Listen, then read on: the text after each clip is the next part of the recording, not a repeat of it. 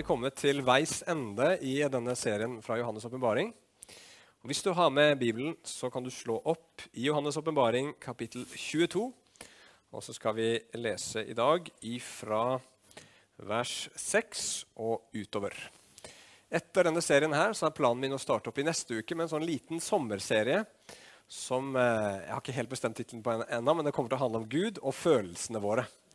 Så alle slags mulige ting vi kan erfare i følelseslivet vårt, og hvordan Gud relaterer til det. Så det kan bli spennende. Men eh, Johannes' åpenbaring, kapittel 22, og så leser vi fra vers 6 sammen i Jesu navn.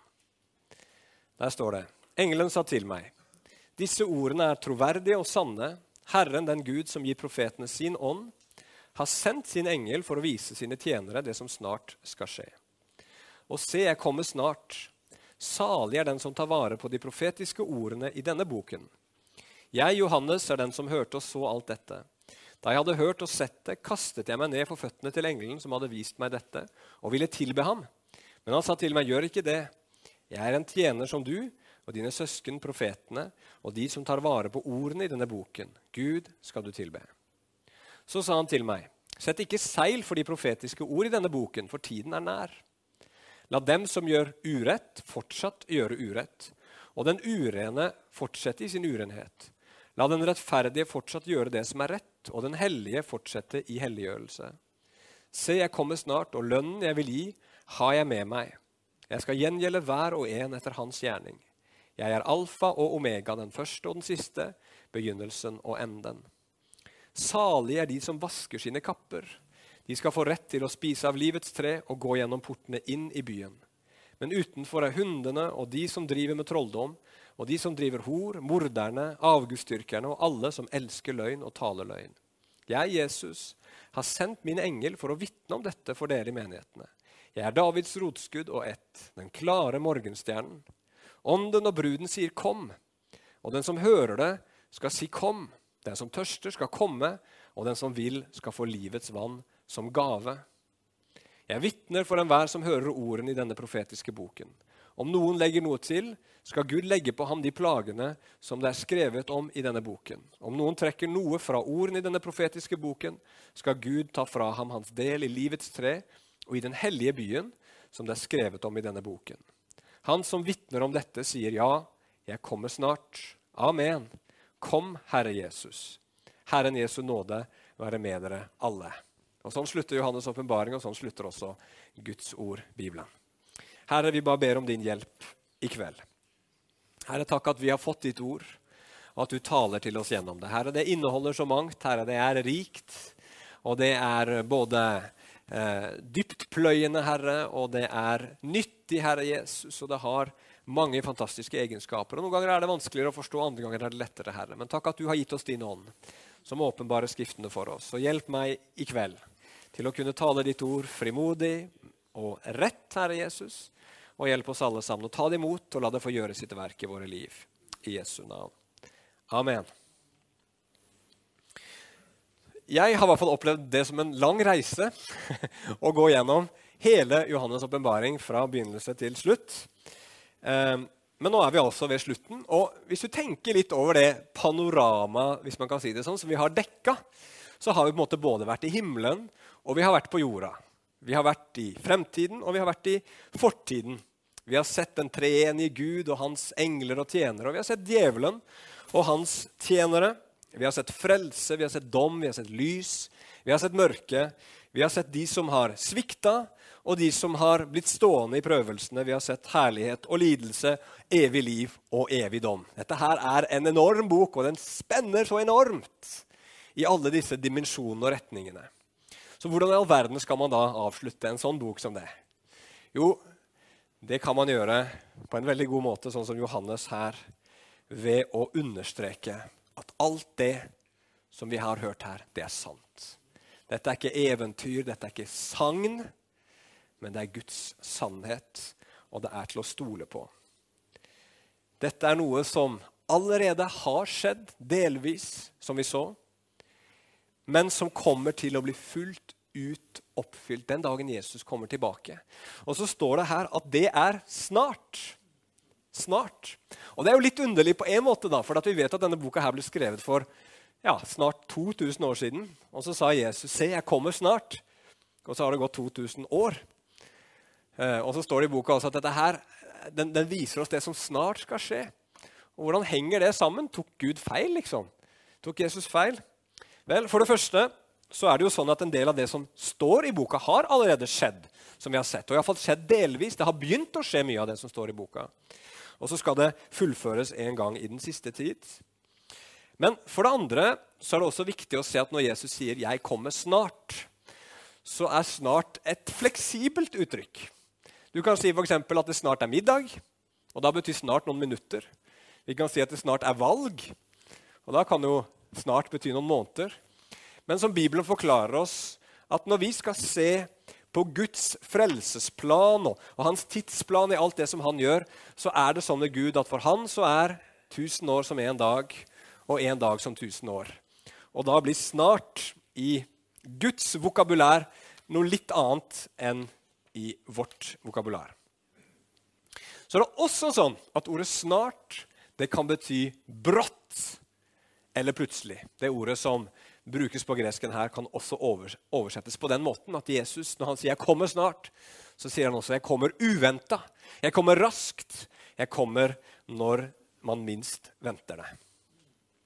Og så vet vi at det gjelder jo faktisk for hver enkelt av oss. Ikke bare liksom, hvis vi ser på det store bildet og, og, og verden og Jesu gjenkomst, og sånn, men alle mennesker kan plutselig en dag måtte stå ansikt til ansikt med Jesus fordi dette livet tar slutt. Vi må være klar over det, at dette livet her kan være mye kortere enn det vi har sett for oss. Så Dette her kan vi se på mange, på, på mange forskjellige måter, men jeg tror uansett at poenget med det Jesus sier, er at det skal ha en effekt på livene våre. Når Jesus sier 'se, jeg kommer snart', så vil han at det skal gjøre noe med oss. Og det er det vi skal snakke litt om i dag. Så Tittelen min i dag er 'Jesus kommer snart'. Og vi skal se at vi kan være trygge pga. at Jesus kommer snart. At vi trenger å våkne fordi Jesus kommer snart. Og at vi må være forberedt fordi Jesus kommer snart. Vi begynner på den helt mest positive siden av det her. Vær trygg. Jesus kommer. Vær trygg. Det fins jo en god del mennesker som har et litt sånn anstrengt forhold til Jesu gjenkomst. Spesielt kanskje i miljøet hvor man har vokst opp som barn og hørt veldig veldig mye om dette, og kanskje blitt litt sånn redd, for det har vært litt sånn fryktorientert. Og det fins mange en historie om en eller annen, et kristent barn som kommer hjem fra skolen og så er ikke mamma og pappa hjemme. Litt uventa. Og plutselig så slår tanken de har Jesus kommet tilbake. ikke sant? Og så må de ringe til noen som de er helt sikre på at er frelst. og hvis de svarer, så uh, Da er bare mamma og pappa på butikken. ikke sant? Men ja, det er klart at disse ordene her om Jesu gjenkomst det bør skape en sunn gudsfrykt i livene våre. Det skal vi straks snakke om. Men dette her er først og fremst noe positivt først og fremst noe bra. Først og fremst noe gledesfylt. Det står her i vers 6 at disse ordene er troverdige og sanne. Og så i neste vers at salige er den som tar vare på de profetiske ordene i denne boken. Så dette er noe positivt. Og Hvis du tenker på menigheten i Smyrna, som eh, vi leste om helt i begynnelsen av boka, som eh, kunne vente seg eh, forfølgelse og vanskeligheter, så er det klart at det at Jesus kommer snart, det er gode nyheter. Hvis man tenker på mennesker opp igjennom kirkehistorien som har levd vanskelige, tøffe ting, så har nok den tanken på at Jesus kommer snart, det vært en trøst. Jeg kan tenke meg at For kristne som i dag sitter i fangeleir i Nord-Korea, eller som lever i frykt for Boko Haram nede i Nord-Nigeria, så er tanken på at Jesus kommer snart, ikke så verst. Det er et håp. Det fins en, en, god og, og, og herlig forventning med det. For når Jesus kommer tilbake, da skal alt bli snudd på hodet. ikke sant? Da skal, bli, da skal, det du og jeg har lidd for Jesus, det skal bli en krone på hodene våre. Da blir alle våre offer, alt det vi har ofra for Jesus, det skal vi få tilbake igjen da. Som en belønning. Da blir all skam og vanære som mennesker i dette livet har gått gjennom for Jesus, det blir til herlighet. Alt blir snudd opp ned. Og så er det også sånn at du og jeg som lever i Norge nå, og lever og det er sol, og, og, og, det er godt å leve, og det er bra, og alt mulig, så, så, så, så blir ikke det her så presserende for oss. Men vi har sett i Johannes' åpenbaring at vi kan ikke forvente at ting kommer til å være fred og ingen fare for oss for alltid. Vi kan forvente oss at det kommer vanskeligere tider, at det kommer prøvelser etter hvert som det samfunnet vi er en del av, beveger seg lenger og lenger vekk fra Gud.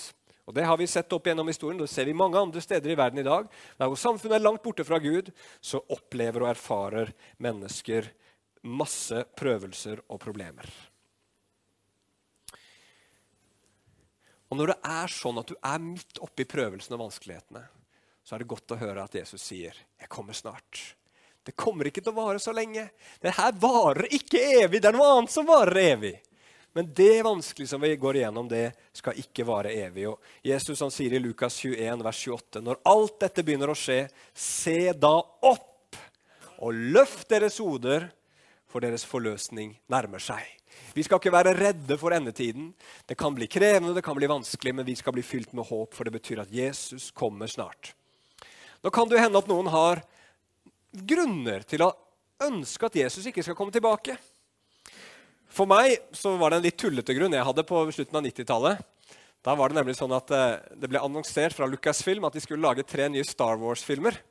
Og Jeg var litt sånn glad i Star Wars, så jeg gleda meg veldig til disse neste tre Star Wars-filmene skulle komme. Så jeg ba i, i, i, mitt hjerte til Gud liksom en sånn stille bønn om at Jesus ikke kom tilbake før de tre filmene har kommet ut. for jeg har så lyst til å se dem. Men sånn i ettertid da, så, så, så, hadde det nok vært best om Jesus hadde kommet før de filmene, for de var så utrolig dårlige. Men ok. Men det kan være andre ting. ikke sant? Man ønsker kanskje å gifte seg, man ønsker kanskje å få barn, man ønsker kanskje å fullføre et prosjekt. Og så sier man 'Jesus, vent, vent! Jeg vil så gjerne realisere det.' Eller som sikkert mange her inne går og kjenner på kanskje, at du har noen du er glad i, noen du bryr deg om, som ikke er frelst. Så tenker du 'Jesus, du, du må komme tilbake, men ikke helt ennå.' For jeg vil så gjerne at den og den skal bli frelst.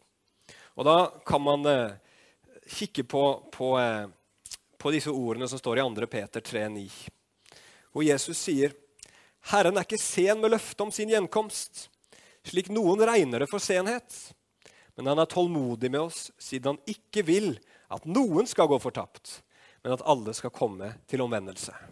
Du trenger ikke være redd for at Jesus skal komme tilbake, og så var det en sjanse for at noen du var glad i, kunne ha vendt om. Jesus kommer når han vet at nå er det, nå er det på en måte ikke noen flere muligheter. Da kommer han tilbake. Og Hvis det er noe du gjerne vil realisere i livet ditt, så skal du ikke være redd for at Jesus kommer tilbake og ødelegger alle planene dine. For du kommer ikke til å savne noe den dagen du kommer til himmelen. Så Jesu gjenkomst, det er, det er vår håp. Vårt håp, og det er vår trøst. Det er noe vi ser fram til, og det er noe vi gleder oss til. Skal glede oss til. Og faktisk så er det her så bra. Og nå, nå sitter vi her. ikke sant? Ja, det er jo fint at Jesus kommer tilbake. Men, men, men Johannes, ikke sant, som er her og, og, hører dette, ser denne engelen full av herlighet, får høre disse ordene fra denne engelens munn om at Jesus snart kommer tilbake.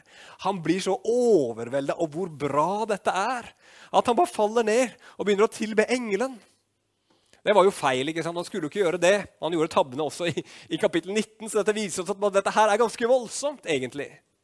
Han skulle tilbe Gud, og det sier engelen til han og alt mulig. Men, men poenget er at hadde du og jeg forstått hva som venter oss, hadde du og jeg forstått hvor fantastisk det er at Jesus kommer tilbake, så hadde vi tilbedt enda mer så hadde vi til en helt annen stemning hjemme i bønne, eh, bønnekammerset vårt, eller hva du kaller det for noe. Det hadde blitt en helt annen stemning på møtene når vi hadde samla oss, for Jesus kommer snart. Det hadde blitt jubel, det hadde blitt glede.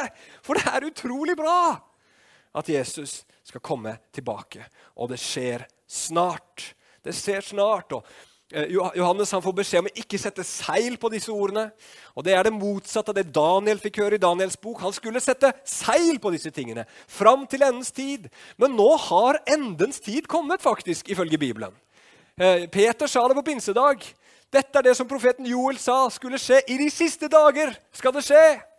Så vi lever allerede nå i endens tid. Og disse tingene som står om i Johannes' åpenbaring, de er ikke lenger noe seil på. De er i gang. De åpenbares. Og så er vi helt i slutten av Guds frelsesplan. Vi er helt på nippet til der hvor Jesus skal komme tilbake. Om det skjer om ti år eller om hundre år, det vet jeg ikke, men vi er nærmere i hvert fall enn noen gang. Og vi er helt i sluttfasen av det som Gud skal gjøre, og han kommer til å fullføre det. Og da kan vi si et lite amen, kan vi ikke det? Amen. Ok. Så det er det første. Vær trygg, Jesus kommer! Det blir bra, det her. Og så punkt nummer to våkne opp! Våkne opp, Jesus kommer. I vers 11, vet ikke om dere la merke til det, så var det noen ganske merkelige ord vi leste, som har fått mange til å klø seg i hodet. For der står det nemlig La den som gjør urett, fortsatt gjøre urett, og den urene fortsette i sin urenhet. La den rettferdige fortsatt gjøre det som er rett, og den hellige fortsette i helliggjørelse. Altså Den siste delen av verset den er vi med på. ikke sant? Den som gjør rett, det er flott. Fortsett å gjøre rett. Og den som er hellig, la fortsette i helliggjørelse. Men hva i all verden er det som står i begynnelsen der? Og den som gjør urett, skal fortsatt gjøre urett. Og den som er uren, skal fortsatt være uren. Hva i all verden betyr det? Hva menes med de versene her? Det kan jo umulig bety, for det ville gått imot hele Bibelen, at vi bare skal la mennesker ture på i den retningen som de gjør. Uten å si at det fins mulighet for å vende om, at det finnes tilgivelse, og at det fins et annet liv. Det kan det ikke bety. Noen mener at eh, det betyr at det bare er sånn at det alltid vil være to grupper mennesker i verden. Noen som, som, som lever hellig, og noen som lever borte fra Gud. Men kanskje det betyr noe annet. Noe som jeg på en sånn billedlig måte fikk oppleve på, på mandag. Eh, det er jo fint å være predikant, for når du opplever noe traumatisk, så kan du bare omforme det til en prekenillustrasjon. Og så kan du få litt terapi gjennom det. Det var nemlig sånn at Jeg var hjemme og eh, holdt på å eh, skifte kjøkkenbenk hjemme. Og Jeg er ikke sånn kjempeflink med sånne praktiske ting, så, så det blir mye bønn. Og det tar lang tid. Eh, men jeg klarte nå i hvert fall å få kutta opp denne kjøkkenbenken i riktige dimensjoner. og sånn. Ingen tabber der. Kjempebra. Så kom jeg til fugen. da. Det skal gå sånn der fugkant bakerst. ikke sant? På kjøkkenbenken så ikke det skal komme vann inn bak. Og det er ikke jeg så veldig god på, så jeg tenkte her, denne gangen må jeg få det veldig bra til. Så jeg brukte veldig lang tid på det da, for å få det veldig bra. Eh, og så liksom hadde jeg kommet over hele det strekket, og det var over tre meter, så det tok jo sin tid. Så liksom skal jeg kikke på det. Og så begynner jeg å dra opp. Jeg tar sånn der teip og så ser jeg at det blir ikke helt bra overalt. sånn som jeg hadde tenkt. Og så prøver jeg å trykke fingeren litt ned for å glatte ut noen steder hvor jeg liksom ikke var helt fornøyd. Og da oppdager jeg at fugen har begynt å størkne. Så det blir jo bare verre og verre jo mer jeg driver og tar på de greiene der. Så det hørtes nok noen litt sånn frustrerte skrik fra kjøkkenet. og sånt. Ah, nei, nei, nei! Så til slutt så måtte jeg bare liksom holde fingrene av fatet og tenke at det her får bare størkne. Og så får jeg få det vekk alt sammen når det er mulig å ta det vekk. Og så må jeg gjøre det en gang til. Men hva har det her med Johannes' åpenbaring å gjøre? Jo, det kom en tid ikke sant, eh, på kjøkkenet mitt hvor det ble for seint. Det var for seint å rette opp i fugen. Og jeg tror disse versene her kanskje nettopp handler om det at den dagen Jesus kommer tilbake, så er det for seint.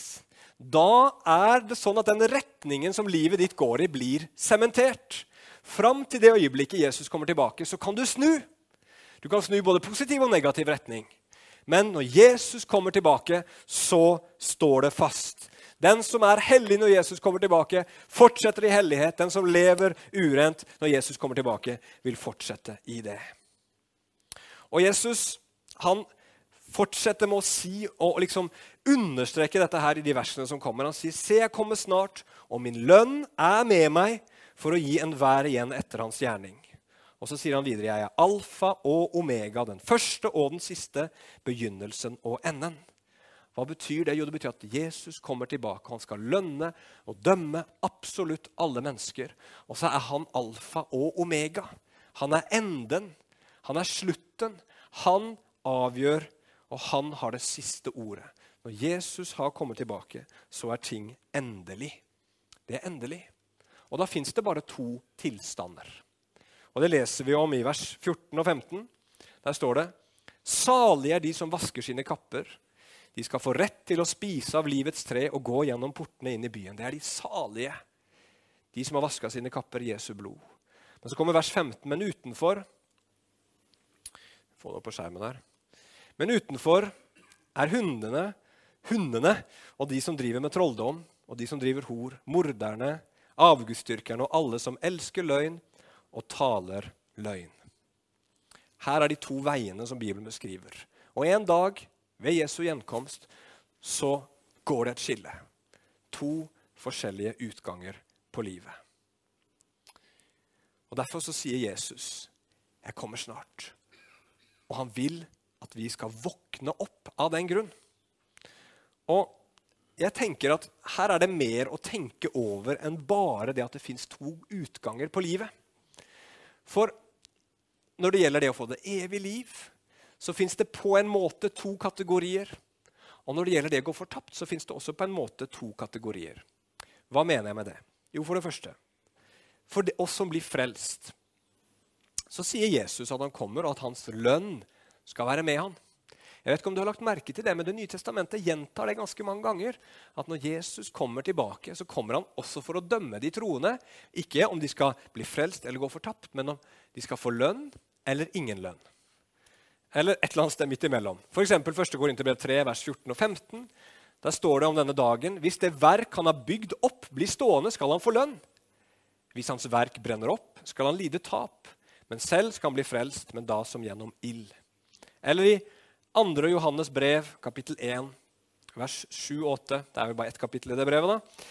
For mange forførere er gått ut i verden som ikke bekjenner at Jesus Kristus er kommet i kjøtt og blod. Han er forføreren og antikristen. Og så står det 'gi akt på dere selv', slik at vi ikke mister det vi har arbeidet for, men at vi kan få full lønn. Så En dag så skal du og jeg stå foran Jesus med livene våre. Og vi skal bli frelst, men Gud skal prøve livet vårt. Og så er det sånn at det som vi har kasta bort av vårt liv, det som vi ikke har brukt på å leve for Han, det skal brenne opp, står det. Mens det vi har levd med evighetsperspektiv, det skal vare. Det skal vi få lønn for. Og Det betyr ikke at du og jeg blir nødt til å leve liksom i bønn 24 timer i døgnet og evangelisering 24 timer i døgnet. Det betyr heller ikke at vi må liksom kutte ut vedlikeholdet av huset vårt for Jesus kommer tilbake, eller vanskjøtte familie og, og, arbeid og alt sånt. Men det betyr bare at når du lever, så la alt det du gjør, være til Guds ære.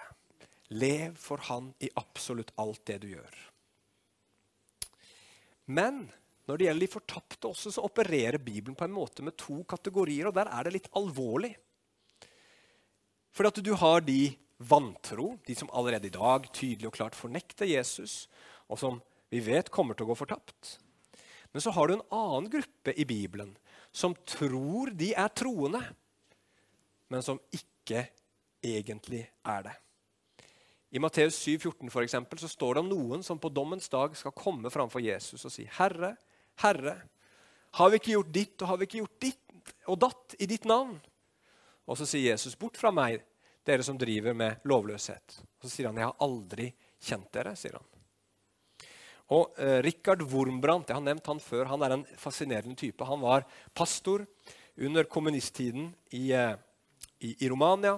Opplevde mye vanskeligheter eh, pga. det. Og Havna bl.a. i fengsel. Satt to år på enecelle i isolat. Bare se for deg det. Og Det var en enorm prøvelse for ham. Og når han satt der i den cellen og kjente at Oi, holder min tro nå? Så kom han til å tenke på noe som en annen eh, forkynner mange mange hundre år tidligere hadde sett, sagt. Og, han, og, Så siteres det i boka hans. Og Der står det han sa det finnes to typer kristne. De som oppriktig tror på Gud, og de som like oppriktig tror at de tror. Du kan se forskjell på dem ved deres handlinger i avgjørende øyeblikk. Og Richard Wormland han følte han var i et sånt øyeblikk. Nå, nå får vi se, da. Er det noe tro her? Har min tro bare vært liksom fordi at alle andre rundt meg trodde? Hadde min tro for han var jo pastor, noe med at det bare er jobben min å gjøre? ikke sant? Har min tro mest av alt med at jeg ville ha Gud fordi han skulle gi meg noe annet? Eller var det sånn at mitt liv dypest sett handla om at jeg ville ha Gud? For nå har jeg ikke noe annet enn Gud igjen. Ikke sant? Og Sånne situasjoner kan vi komme i, alle mennesker. Og En dag så kommer det en dag hvor det her blir garantert avslørt. Når Jesus kommer igjen, og så ser han på oss med sitt laserblikk. Og så vet han hva som egentlig bodde i hjertene våre. Og Jeg sier ikke det her for at vi skal liksom bli veldig i tvil om vår frelse, eller at vi liksom skal uh, bare gå rundt og være usikre på er jeg egentlig frelst. For du kan få en frelsesvisshet. Det, det, det har jeg ingen tvil om. Men Bibelen oppfordrer oss også til stadig vekk, sånn som det står i 2. Korinterbrev 13, vers 5. Ransak dere selv om dere er i troen. Og Hvordan kan vi ransake oss selv? Hvordan kan vi se på vårt liv og, og liksom finne ut er min tro en ekte tro? Og Det kan være mange ting sikkert man kan gjøre der, men jeg, et par tanker jeg hadde lyst til å dele, var følgende. For eksempel, Hvis du ser på forrige uke i livet ditt, så kan du tenke ja, men det står bra til med meg. Forrige uke ba, ba jeg ganske mye, leste i Bibelen hver dag og gikk på alle møtene jeg kunne gå på. Det, og, og, jeg var ganske grei med kona eller et eller annet, ikke sant? eller med mannen min. Eller. Så det var en bra uke. Så det går nok veldig bra med meg. Eller du kan se på forrige uke og si nei, forrige uke var en dårlig uke. Jeg glemte å lese Bibelen. Eh, og jeg ble frista til ikke gå på møte, og jeg sa en del dumme ting, gjorde en del dumme ting. Jeg, jeg synda imot Gud. Så kanskje ikke jeg er frelst, da. Hvis du og jeg skal liksom inspisere vårt eget liv, så sier Bibelen at vi skal dømme treet etter fruktene. ikke sant? Og Det går ikke an å dømme et tre på en uke om det er et fruktbærende tre eller ikke. Du må ha et par år på å se. ikke sant? Og Det som kanskje er spørsmålet som vi bør stille oss, det er hva er tendensen og retningene i livene våre? Ser du at Gud har tatt deg fra en plass hvor du ikke lenger er, og at han tar deg på en oppadgående kurve? Hvis du tenker godt om altså, hva var det jeg ble frista over før? Hvilke ting var det som plagde meg før? Hvilke grep hadde noen i mitt liv? Har det vært en positiv, oppadgående kurve i livet mitt? Det betyr ikke at det ikke liksom går i bølgedaler. Det tror jeg det gjør for oss alle sammen. Eller er det en negativ trend i livet mitt? Kommer jeg lenger lenger bort fra Gud? Blir han mindre og mindre viktig fra meg? Er det sånn at eh, jeg på forskjellige måter da er på vei bort ifra han? I, i, eh, mot slutten av, eh, av, boka her så kommer det en advarsel. Vers 18 og 19, hvor det står om at den som legger noe til det som står i denne boken, han skal Gud legge til alle plagene. Så dere det? Og den som trekker fra noe av det som står i boka, de skal Gud ta fra eh, hans eller hennes rett til livets tre og til å gå inn i byen, står det. Det er jo en formaning ikke sant? På, å ta denne boka Johannes' åpenbaring på alvor. Ikke legg noe til, ikke trekk noe fra. Men på mange måter så er det også en formaning om å ta alt Guds ord på alvor. Altså, Ikke legg noe til Guds ord, og ikke ta noe ifra Guds ord. Eller Trekk noe ifra Guds ord. Og Når vi ser på våre egne liv, så er det nettopp der faren ligger i vår, vårt åndelige liv. Vi kan legge noe til. Hvordan legger man noe til? Jo, det er når du begynner å gå inn i det som Bibelen kaller for loviskhet. Og du tenker at 'jeg er en god kristen'. Jeg kommer til himmelen fordi jeg har gjort sånn og sånn og sånn. Og sånn. Og de kommer sikkert ikke til himmelen fordi de gjør sånn og sånn. Og sånn. Og så begynner man å legge noe til. Det var det Jesus anklaga fariseerne for. Eller at du kanskje begynner å si at ja, jeg vil ha Jesus. Jeg må ha Jesus. Jesus er bra, men jeg må også ha det. Hvis liksom ikke bare Jesus holder, så er vi på vei inn i et eller annet hvor vi legger noe til, og som ikke er en positiv trend i livene våre. Ikke legg noe til. La Jesus være nok. Og så er det den andre faren, at vi kan bevege oss bort ved å trekke noe fra. Se på Bibelen og det som Gud sier der, og si ja, men det er ikke så farlig. Jesus er sikkert ikke så nøye. Han tilgir meg sikkert.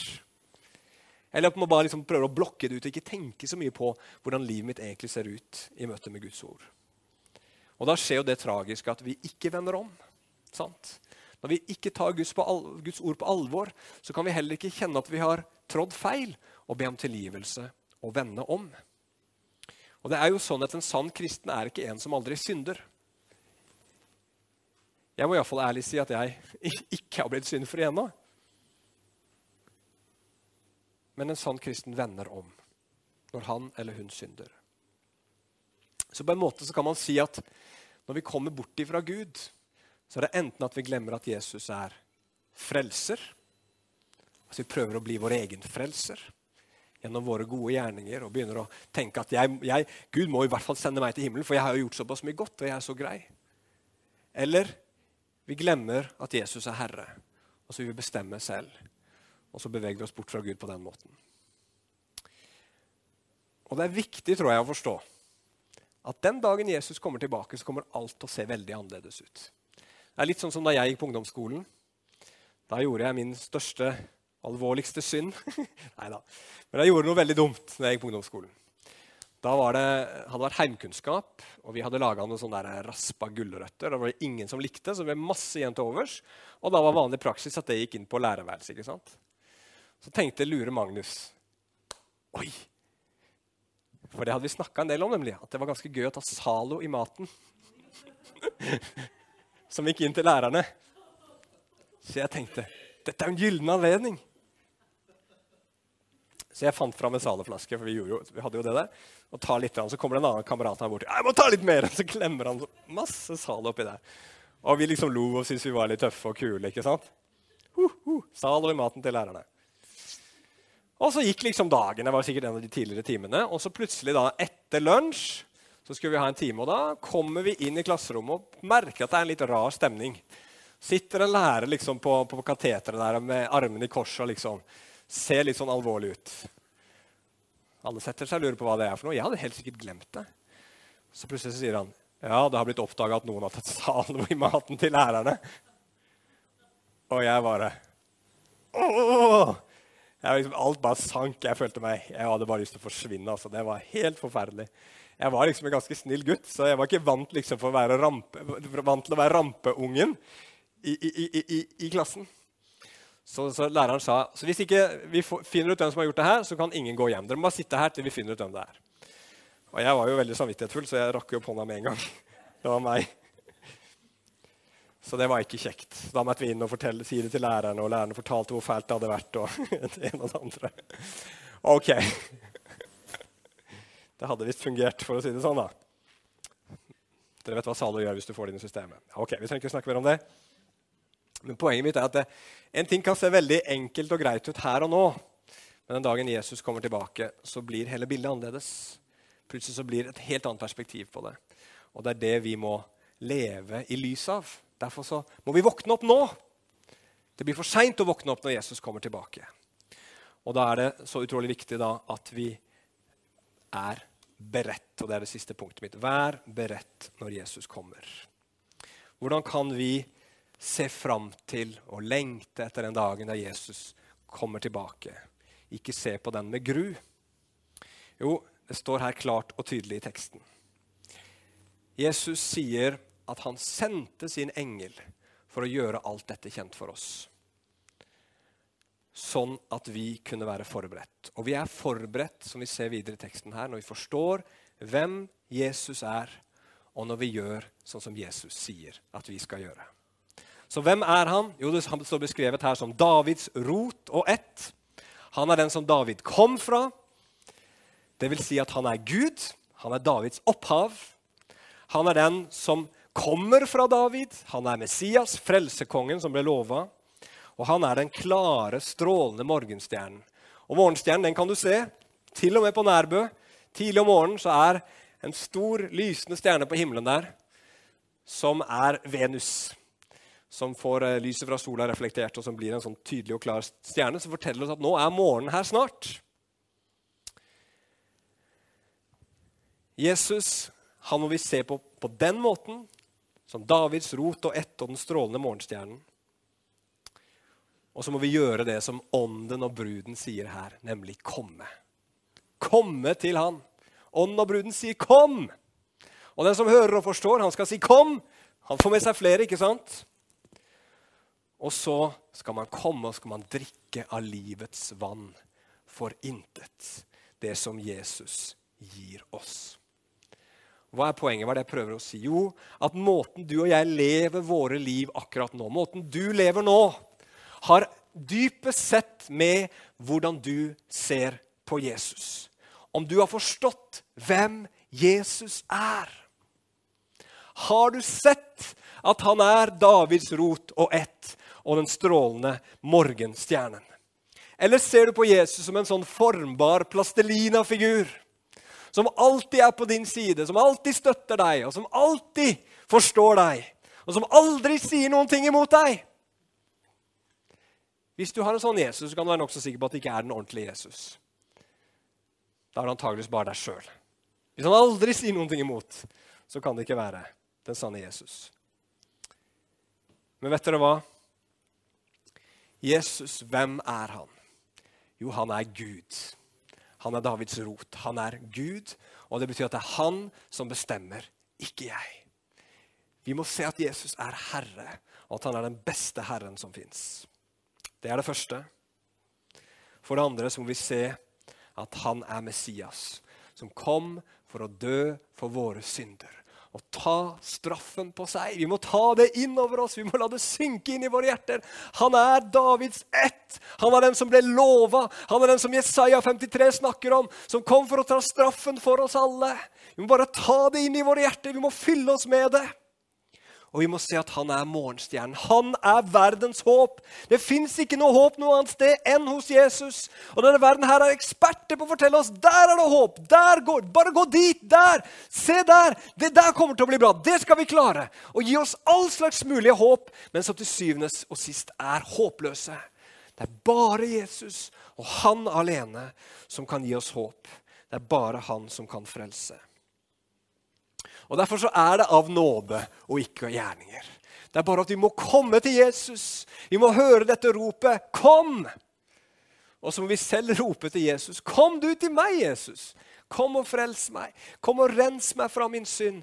Kom og hjelp meg å forstå hvem du er. Og så vil Gud at du og jeg også skal være sånne som roper 'kom' til andre mennesker. Kom! Kom til Jesus. Kom og smak at Herren er god. Jeg kan love deg at Hvis du stoler på Jesus, tar han på alvor som den han er, så kommer han ikke til å svikte deg, og du kommer ikke til å bli skuffa. For sånn er Jesus. Hvis du lager deg en egen Jesus, så kommer du garantert til å bli skuffa. Men hvis du ser på Jesus som den han er, så kommer han ikke til å skuffe. Og da kan vi også rope til Jesus, kom. Kom tilbake og bring ditt rike. Amen. La oss alle sammen, som det står helt til slutt her i Johannes' åpenbaring, ta imot den nåden. La den nåden være over våre liv. For det er bare ved Jesus og hans nåde at vi kan få det evige livet. Og Det er det Johannes' åpenbaring handler om. Det er det Bibelen handler om, og det er det våre liv handler om også. Og det er der Gud vil ha oss. Hans nåde. Jesus og Jesus alene. Lever du der? Lever du i Hans nåde hver eneste dag, lever du med Jesus som Herre og eneste håp, da er du forberedt. Da er du beredt når Han kommer tilbake.